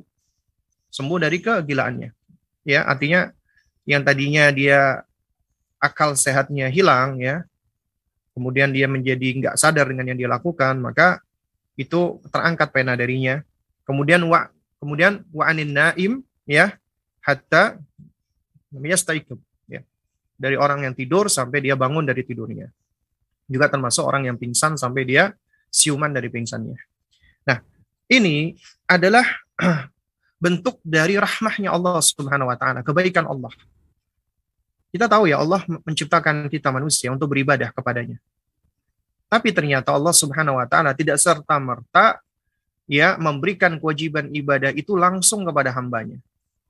Tapi Allah berikan dulu instrumennya. Allah siapkan dulu. Allah berikan dan tanggung jawabnya kita sebagai orang tua adalah membantu anak-anak kita agar bisa ya optimal nih instrumen-instrumen yang sudah Allah berikan di antaranya pendengarannya, penglihatannya, akalnya dan seterusnya. Nah ini makanya kita belajar tarbiyatul abna, pendidikan anak adalah supaya kita bisa merangsang menstimulasi pemberian Allah ini agar mereka bisa menjalankan tujuannya di muka bumi ini sebagai hamba Allah dengan sebaik-baiknya. Itu tugas kita sebagai orang tua. Ya. Nah, jadi Allah Subhanahu wa taala itu begitu baik. Artinya ketika anak manusia yang baru lahir itu dalam kondisi yang lemah, dhaif, fakir, bayi, itu nggak bisa ngapa-ngapain kan. Kemudian akhirnya berkembang kemampuan-kemampuannya. Pendengarannya, penglihatannya, sehingga sampai kemampuan pemahamannya. Dan Allah berikan kepada mereka, anak-anak ini, yang paling mendasar adalah fitrah. Fitrah itu berada di atas keimanan, tauhid, iman, ma'rifatullah, meyakini la ilaha illallah. Itu fitrah. Karena fitrah itu adalah tabiat ya suatu apa namanya atau salimah, tabiat yang selamat, yang bersih, ya anil uyub wan nuqsan dari kekurangan ataupun dari aib ya, dari celah itu fitrah. Tapi ternyata fitrah ini bisa apa rusak. Yang rusak adalah orang tuanya. Fa'abawahu yuhawidanihi wa yunasiranihi. Ya orang tua yang menjadikan Yahudi, Nasrani atau Majusi. Jadi bisa rusak. Yang rusak orang tuanya. Kemudian juga mereka anak-anak yang wafat sebelum baliknya itu menurut jumhur ulama ya eh, kalau yang muslim itu ulama nyaris bersepakat bahwa mereka mati di dalam keadaan fitrah dan mereka insya Allah menjadi ahlul jannah penghuni surga. Adapun orang kafir anaknya orang kafir ulama khilaf ya jumhur ulama berpendapat ya mereka tetap mati di atas fitrah dan mereka menjadi ahlul jannah sebagian yang lain lagi seperti Al-Hafidh uh, apa namanya? Ibnu Qayyim rahimahullah dan ini juga kalau nggak salah pendapatnya Syekh bin Bas ya. Mereka yumtahanuna fi yaumil qiyamah. Mereka diuji lagi oleh Allah di hari kiamat. Ketika mereka lulus dari ujian Allah, maka mereka Allah masukkan surga. Kalau nggak lulus, maka dikumpulkan dengan orang tuanya di dalam apa neraka. Ini adalah akwal ya, pendapat sebagian ulama. Ya, Ya, tentunya sesuai dengan keadilan Allah, karena Allah Maha Adil dan nggak mungkin Allah menzalimi hamba-hambanya. Ya, intinya adalah anak-anak itu mereka sebelum balik mereka masih terangkat pena darinya. Maksud terangkat pena darinya, mereka belum menerima dosa. Apabila mereka meninggalkan kewajiban yang itu wajib untuk orang-orang dewasa, mereka tidak lakukan, mereka tidak berdosa. Misalnya mereka belum sholat, kemudian juga anak perempuannya belum ber, berhijab, atau misalnya mereka jatuh kepada perbuatan-perbuatan buruk seperti mencuri, berkata jelek, mereka masih belum berdosa. Tapi orang tuanya bisa dimintai pertanggungjawaban. Kenapa? Karena keburukan anak nggak lepas dari orang tua dan orang sekelilingnya. Jadi bukan orang tuanya menanggung dosa, bukan, tapi orang tua dimintai pertanggungjawaban. Kenapa anaknya kok sampai melakukan seperti itu? Sudahkah kita mendidiknya? Sudahkah kita menasehatinya? Sudahkah kita mengingkarinya? Itu yang akan ya menjadi beban kita ya beban tanggung jawab kita gitu loh. Bukan artinya kita menanggung dosa mereka, nggak ada. Tapi baiknya Allah sekali lagi, Allah itu maha baik. Allah belum berikan taklif beban syariat kepada anak manusia sampai mereka sudah dewasa, sudah ready, artinya sudah optimal nih kemampuan mereka. Tapi ketika anak-anak itu berbuat kebaikan, ketika anak-anak itu berbuat kesolehan, Allah balas dengan pahala. Allah balas. Di antara dalilnya adalah ketika ya datang sekelompok rombongan yang hendak haji, kemudian ada seorang wanita mengangkat anaknya yang masih bayi, ya anak yang masih di masih kecil yang masih bayi. Ya. Lalu kemudian ditanya oleh wanita ini, ya wahai apa nama Rasulullah, ya apakah bagi anakku ini dia mendapatkan pahala haji? Nabi mengatakan iya. Ya. Dia dan Anda mendapatkan pahala haji. Subhanallah. Inilah kebaikan Allah. Artinya, ketika anak Anda misalnya, dia sholat di usia lima tahun, enam tahun, atau termasuk Anda didik dia, Anda perintahkan dia sholat di usia tujuh tahun, kemudian dia sholat, maka dia akan mendapatkan pahala. Tapi ketika mereka meninggalkan sholat, belum berdosa, belum. Meskipun mereka udah 10 tahun nih, yang Anda berkewajiban untuk mendidik dia dengan lebih intens lagi dan boleh memukulnya ketika dia nggak sholat, kemudian udah dinasehati bolak-balik, udah dikasih tahu dengan cara baik, tapi tetap masih ngel nggak sholat, kemudian kita pukul, itu sejatinya sebagai bagian dari perhatian kita mentakdib mereka, mendidik mereka, bukan takdib ya, dengan bukan menyiksa mereka, bukan. Tapi mendidik mereka, dan dengan harapan pukulan ini, itu bisa menyadarkan mereka bahwasanya ya hukuman dari orang tuanya yang ringan seperti ini saja menyakitkan apalagi hukuman dari Allah Subhanahu wa taala agar muncul khauf di dalam dirinya sehingga dia pun akhirnya mau melakukan sholat. Ya. Meskipun ketika dia belum sholat, dia belum berdosa. Belum berdosa dia. Nah, tapi kita boleh ancam dia dengan ancaman-ancaman ya yang datang dari dalil tentang orang-orang yang meninggalkan sholat dan seterusnya. Ya. Nah, ini suatu hal yang penting sekali. Lalu bagaimana kalau misalnya anak itu berargumentasi, Umi, aku kan masih belum balik nih, berarti aku boleh dong kalau aku nggak sholat dulu, aku nggak ibadah dulu dong. Nanti kalau aku udah balik, baru aku sholat dan aku beribadah. Bagaimana jawabannya? Ini sering kali orang tua bingung. Ustaz, bagaimana anak saya? Ustaz, anak saya ikut pengajian, katanya anak-anak kecil masih belum dosa. Ini anak saya udah 8 tahun, 9 tahun, ngerti ini. Akhirnya ketika disuruh sholat nanti aja, Mi. Maka jawablah, ya katakan, ya kita sampaikan ya ah afwan sebelum kita sampaikan pertama kita istighfar dulu nih kita mohon ampun kepada Allah kenapa kalau kita mohon ampun kepada Allah karena anak kita ini sejatinya adalah buah dari pendidikan kita kalau dia punya anggapan seperti itu berarti belum terbentuk di dalam dirinya ma'rifatullah dan mahabbatullah. Belum mengenal Allah dan belum cinta dengan Allah. Nggak tahu tentang hakikat daripada ibadah. Jadi menurut pandangan dia ibadah itu beban. Berarti ada yang keliru dengan cara kita mendidik mereka. Harus kita perbaiki caranya. Awali dengan kita minta maaf kepada Allah dan perbaiki hubungan kita dengan Allah, Allah akan bantu kita ya memperbaiki hubungan kita dengan selainnya. Dan kita bantu anak kita agar anak kita memiliki hubungan yang baik dengan Allah sehingga hubungan kita dengan anak kita pun juga akan bisa menjadi hubungan yang baik karena Allah. Itu yang pertama. Lalu yang kedua, ya, kita juga terus belajar dan kita melakukan pendekatan, kita terangkan kenapa kita butuh dengan beribadah. Kita butuh dengan ibadah. Manusia butuh dengan ibadah. Allah nggak butuh dengan ibadah. Allah nggak butuh dengan sholat kita. Allah nggak butuh dengan puasa kita. Tapi kita yang butuh untuk beribadah dan sholat. Dan Allah nak maha baik. Nah, ketika kamu melakukan perbuatan buruk misalnya, dan kemudian kamu meninggalkan kewajiban, kamu memang masih belum berdosa. Itu menunjukkan Allah maha baik. Tapi masa kamu ingin membalas kebaikan Allah ini dengan apa? Dengan akhirnya kamu bermalas-malasan, dengan akhirnya kamu menganggap remeh, yang itu dikhawatirkan ketika kamu sudah balik. Kalau kamu dari kecil sudah meremehkan, apalagi nanti kamu sudah balik, bisa jadi kamu lebih meremehkan lagi, meremehkan Allah. Sehingga akhirnya apa? Akhirnya Allah ambil taufik hidayah dari diri kamu sehingga akhirnya kamu menjauh dari Allah. Karena kamu dari sekarang sudah menjauh dari Allah. Umi sama Abi nggak kepingin kamu seperti itu. Umi sama Abi kepingin kamu dari kecil kamu sudah dekat dengan Allah. Sehingga kelak nanti kamu ketika gede, kamu sudah memiliki kedekatan dengan Allah Subhanahu Wa Taala. Kemudian yang ketiga kita sampaikan, nah kamu mungkin nggak berdosa, tapi kamu sayang nggak sama Abi sama Umi. Karena nanti kelak di hari kiamat Abi sama Umi yang akan ditanya oleh Allah Subhanahu Wa Taala tentang kamu.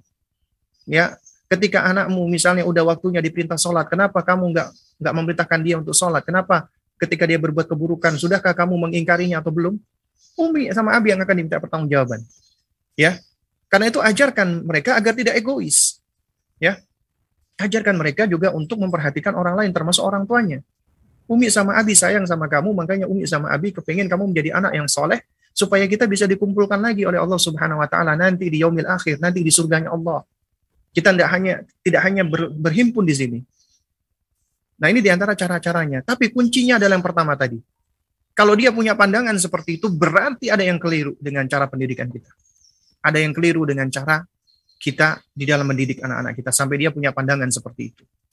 Dan jangan lupa kita berdoa kepada Allah, memohon kepada Allah, cari waktu-waktu mustajabah agar Allah senantiasa menjaga, memelihara dan memberikan taufiknya untuk anak kita dan untuk kita semua. Wallah alam Baik Ustaz, jazakallah khairan barakallahu fikum atas jawabannya dari untuk Pak Leo tadi yang sudah menelpon dari Bekasi. Baik selanjutnya ini ada pertanyaan terakhir Ustaz dari penelpon kita sekaligus uh, menutup tanya jawab kita pada pertemuan kita pekan kali ini. Kita akan coba sapa terlebih dulu. Assalamualaikum warahmatullahi wabarakatuh. Waalaikumsalam warahmatullahi wabarakatuh. Ya, dengan Ibu siapa di mana? Saya dari Umu Nizam dari Bondowoso. Baik, Umu Nizam di Bondowoso. Silakan untuk langsung ya. bertanya kepada Ustadz, Um. Ya. Assalamualaikum Ustadz. Waalaikumsalam warahmatullahi wabarakatuh. Ya. Ini kayak bisanya. Ya, nah, ini kayak namanya pernah tahu ini ya? Iya, pernah Ustadz yang kemarin. Oh, nah, nah, ya. Anak asuh saya yang disleksia itu Ustadz ya. Ini saya sekarang yeah. mau menanyakan tentang anak saya, Ustadz ya. Nah. Anak saya ini kan usianya tiga tahun lima bulan. Alhamdulillah sampai sekarang itu saya tidak pernah mengenalkan gadget atau TV, Ustadz. Hmm. Apakah saya salah, Ustadz? Soalnya kalau anak saya itu bermain dengan teman-temannya, itu sering dibully. Soalnya teman-temannya itu kan kebanyakan tuh zaman sekarang itu misalnya ke rumahnya neneknya, ke rumah sepupunya itu bermain gadget gitu loh Ustaz ya. Entah main hmm. game, nonton YouTube. Terus anak saya tuh langsung dibully gitu loh. Sudah kamu sana-sana, jangan ikut main kamu nggak boleh main sama umiknya, nggak boleh nonton nonton HP sama umiknya. Jadi anak saya tuh langsung kayak kayak apa ya tersendirikan gitu loh Ustaz ya. Hmm. Saya tuh jadi kasihan gitu loh Ustaz kalau misalnya membawa anak saya tuh ke rumahnya nenek saya atau ke rumah sepupu saya atau teman-temannya gitu loh Ustaz. Tapi saya tetap beri pengertian kepada anak saya. Yang kedua, hmm. yang kedua ya Ustaz ya. Halo? Ya, silakan Om. Ya. Lanjut Om. Ya, yang kedua Ustaz ya. Anak saya itu kan sudah nggak, anu, maksudnya saya tidak kenalkan gadget karena tidak dikenalkan gadget atau TV, sehingga anak saya itu saya kenalkan dengan buku Ustaz dari umur bayi. Sudah saya kenalkan buku alhamdulillahnya saya bisa memfasilitasi anak saya dengan buku-buku buku agama buku maupun buku impor Ustaz ya. Walaupun tetap masih kan kalau buku impor itu ada gambar-gambarnya Ustaz ya. Cuma saya kan bisa menfilter gitu loh. Uh, tapi anak saya nih Ustaz kayak ketagihan gitu loh Ustaz untuk membeli buku walaupun masih umurnya tiga tahun lima bulan gitu loh. Terus ya mau tidur itu minta dibacakan buku terus Ustaz. Mau tidur Umi bacakan buku bacakan buku gitu loh. Kadang sayanya yang capek gitu loh Ustaz ya. Kadang abinya juga capek gitu loh untuk bacakan hmm. buku. Sudah seharian ini untuk bacakan buku.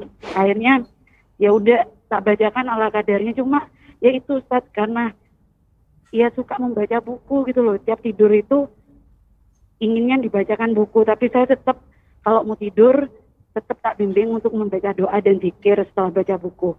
Itu apakah wajar gitu loh Ustaz ya? Soalnya kan sudah dari kecil membaca buku, terus sekarang itu kayaknya hobi sekali Ustaz membaca buku Ustaz. Seperti itu Ustaz ya. Halo? Iya. Iya, iya. Yang, yang terakhir Ustaz, tidak apa-apa Ustaz, nambah satu lagi ya Ustaz ya.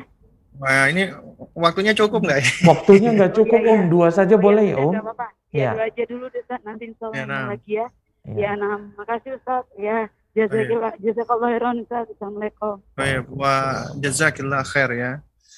Jadi yang pertama tentang anak yang tidak dikenalkan gadget, ya ini suatu hal yang bagus sebenarnya ya.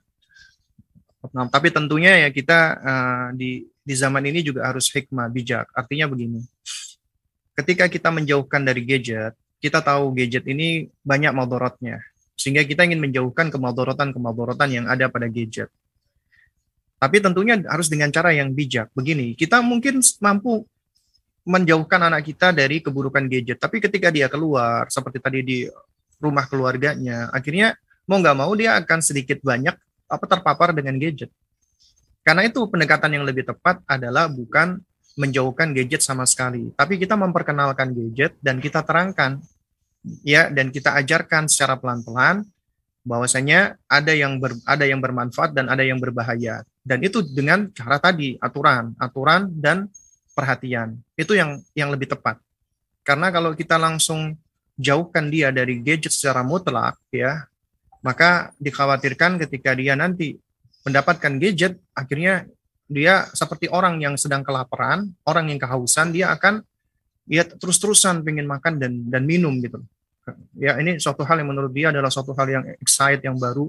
Ini yang tentunya kita kita kita apa ya kita patut waspadai gitu loh. Jadi kita boleh kenalkan dan kita kita tunjukkan apa uh, sejumlah konten-konten yang bermanfaat. Ya sekarang alhamdulillah udah ada konten-konten yang bermanfaat juga udah ada kajian-kajian anak ya juga ada video-video buat anak-anak, kita boleh kita tunjukkan. Tapi tentunya tadi dengan aturan. Misalnya usianya sudah tiga tahun setengah bulan ya, eh, masa saya sudah tiga tahun lima bulan ya, maka ya tetap ada aturannya. Jadi ya setidaknya mungkin dalam sehari itu maksimal 15 menit atau setengah jam. Nah, terus kemudian kalau masalah dia dibully ya, ya ini juga bagian dari dari apa ya dari kehidupan. Artinya begini loh. Siapa pun manusia hidup, dia pasti akan menghadapi adanya apa namanya problematika kehidupan gitu loh. Dan kita perlu untuk mengajar anak-anak kita agar dia siap, ready, sudah prepare untuk menghadapi kehidupan yang berat, yang sulit, yang penuh dengan apa namanya uh, ujian-ujian dan juga sering kali dengan cemoohan-cemoohan termasuk bullying. Nah itu tugas kita sebagai orang tua untuk menguatkan mereka, untuk mereka belajar bersabar, mereka belajar untuk dealing with with problems, untuk mampu menghadapi masalah, mampu untuk problem solving, mampu untuk belajar kecewa, mampu untuk belajar bersedih, mampu untuk belajar ya marah, mampu untuk belajar intinya itu bagian dari kehidupan. Tugas kita adalah membantu anak kita untuk menghadapi itu semua dengan sebaik-baiknya. Dan tidak mengapa apa anak kita sedih, anak kita marah, itu bagian dari kehidupan. Tapi yang paling penting adalah yang pertama, ya mereka kenal dulu ini tentang diri mereka, ten kenal tentang emosi mereka, perasaan mereka. Mereka tahu saat ini mereka lagi sedih, mereka tahu saat ini mereka lagi kecewa, mereka tahu saat ini dia mereka lagi capek. Itu mereka tahu dulu ini. Artinya mereka bisa melabeli emosinya. Ini adalah poin pertama. Kalau mereka bisa melabeli emosinya, maka mereka akan lebih mudah untuk mengungkapkannya. Umi aku hari ini sedih, Umi aku hari ini marah, Umi aku hari ini kecewa. Sehingga kita akan lebih mudah untuk untuk mengetahui apa yang ada di dalam dirinya. Ketika dia mampu untuk melabeli dan mampu mengungkapkan, itu akan lebih mudah baginya untuk memanage, mengendalikan emosinya. Ya. Tapi kalau anak-anak yang kesulitan untuk mengenali emosinya, sulit untuk mengungkapkannya, biasanya tantrum. Ya, dan ini memang bukan satu hal yang mudah. Ini memang butuh proses. Artinya orang tuanya juga harus sudah ngerti, harus sudah bisa mengenali dan bisa melabeli emosinya sendiri dulu ya. Kalau dia kesulitan untuk bisa melabeli emosi sendiri tentu akan sulit pula ya untuk melabeli yang lainnya. Kemudian juga terus belajar dan pelajari di antara metode pendidikan Lukman alaihissalam itu adalah apa? Adalah anak itu akan mengenal tentang kimah dirinya harga ah, value ya tentang betapa berharganya dirinya. Artinya dia itu tidaklah dibentuk dari anggapan orang, dari asumsi orang. Kita harus sudah ajarkan ini, bahwasanya kamu itu worth it, kamu itu berharga, kamu itu memiliki nilai harga, ya, yang bernilai. Dan kamu itu nilainya tidak dibentuk dari pandangan orang, ucapan orang, cemoohan orang. Itu kita ajarkan dia nggak usah ngurusin, ya, pandangan-pandangan orang. Ya, jadi kita apabila mengkaitkan anak kita selalu dengan Allah, mencari ridhonya Allah, kecintaan Allah, dengan cara mengajarkan tauhid. Ini metodenya Luqman. Kemudian kita ajarkan sejumlah asma wa sifat agar menimbulkan muraqabatullah, merasa diawasi Allah. Ya. Kemudian baru kita ajarkan konsep ya ibadah di antaranya salat, tentang pentingnya salat, tentang urgensi salat, manfaat salat, butuhnya kita dengan salat. Ya. Kemudian amar ma'ruf nahi mungkar. Ini ternyata pembangun imunitas yang utama. Apa bukan yang utama, maksudnya yang penting karena anak-anak yang udah diajarkan amar ma'ruf nahi mungkar, dia akan menjadi anak yang aktif, yang kuat. Artinya ketika dia lihat kemungkaran temannya, dia nggak diem aja, dia ingkari. Karena dia menjadi sosok yang tangguh, yang tough. Jadi kita mem membantu dia. Ya, agar dia bisa menjadi menjadi anak yang tangguh. Kita nggak perlu sedih. Kita tahu anak kita sedih. Kok kayaknya kok dia dibully, kok kayaknya dia dijauhi. Ketika dia dibully dan dijauhi karena keburukan, kita tahu ini anak-anak lagi main game. Itu kan keburukan. Kemudian udah kamu nyingkir aja. Kamu apa namanya? Soalnya kan kamu apa nggak dibolehin sama umi kamu. Nggak apa-apa. Itu malah baik sebenarnya. Kita ambil positifnya. Berarti ya Allah Subhanahu wa taala dengan sebab ini menjauhkan dia dari keburukan. Toh kita sendiri kan yang bermaksud untuk menjauhkan keburukan. Tapi ketika ada anak-anak lain main game, kemudian dia di, dijauhi sama teman-temannya, alhamdulillah bersyukur kepada Allah. Tapi setelah anak-anak itu meletakkan gamenya, ajak dia bermain. Berikan anak kita itu kemampuan skill untuk bisa bermain yang lain yang menyenangkan. Misalnya bermain balok, bermain lain. Ajak temannya untuk bermain seperti itu. Itu akan lebih memberikan manfaat. Untuk apa kita bersedih? Ketika melihat anak kita dibully, kita seharusnya ya menguatkan anak kita gitu loh. Nak, sabar ya nak, sabar. Ajarkan dia untuk terus bersabar dan tangguh. Ini jawaban pertanyaan yang pertama. Yang kedua, ya, kok jadi lupa saya tadi. Bang, ya. yang itu apa tadi? Pertanyaan yang kedua, kedua untung, Pertanyaan kedua, pertanyaan kedua kan Ustadz, uh, beliau tidak mengajarkan gadget tapi mengajarkan anaknya untuk membaca buku. Oh, membaca. Nah, buku. Ya. Baik. Jadi yang kedua ini juga seharusnya ibu bersyukur kepada Allah. Anak ini sudah memiliki kecintaan kepada buku. Itu kunci loh ini. Dia sudah gandung dengan buku. Betapa banyak orang tua yang mungkin keliru melakukan pendekatan kepada anaknya. Ya, anak itu hanya dipaksa suka membaca tapi nggak dibentuk kecintaannya kepada ilmu, kepada bacaan. Di antara tanda anak itu senang dengan ilmu adalah dia senang dengan buku dan senang mengetahui isi buku dan senang untuk dibacakan buku tersebut. Maka bersyukur kepada Allah. Dan terus ya jaga hal ini karena ini adalah bagian dari apa? Bagian dari apa namanya pembentukan dia. Kalau dia sudah senang gandrung dengan ilmu, termasuk dengan buku, kita tinggal arahkan lagi ini. Dia akan senang untuk untuk mempelajari, untuk membaca dan seterusnya. Akan muncul mubadarah, inisiatif di, apa dari dalam dirinya. Dipelihara dan dijaga, fasilitasi. Tapi Ustadz saya capek, Ustadz setiap malam saya harus baca buku. Ya Bu, siapa sih di antara kita yang nggak lelah, yang nggak capek? Lelahnya kita itulah di dalam mendidik anak, lillah karena Allah, itu yang akan mendatangkan pahala. Dan ketika kita lelah, kita capek, bolehlah kita akan rehat rehat sejenak nak.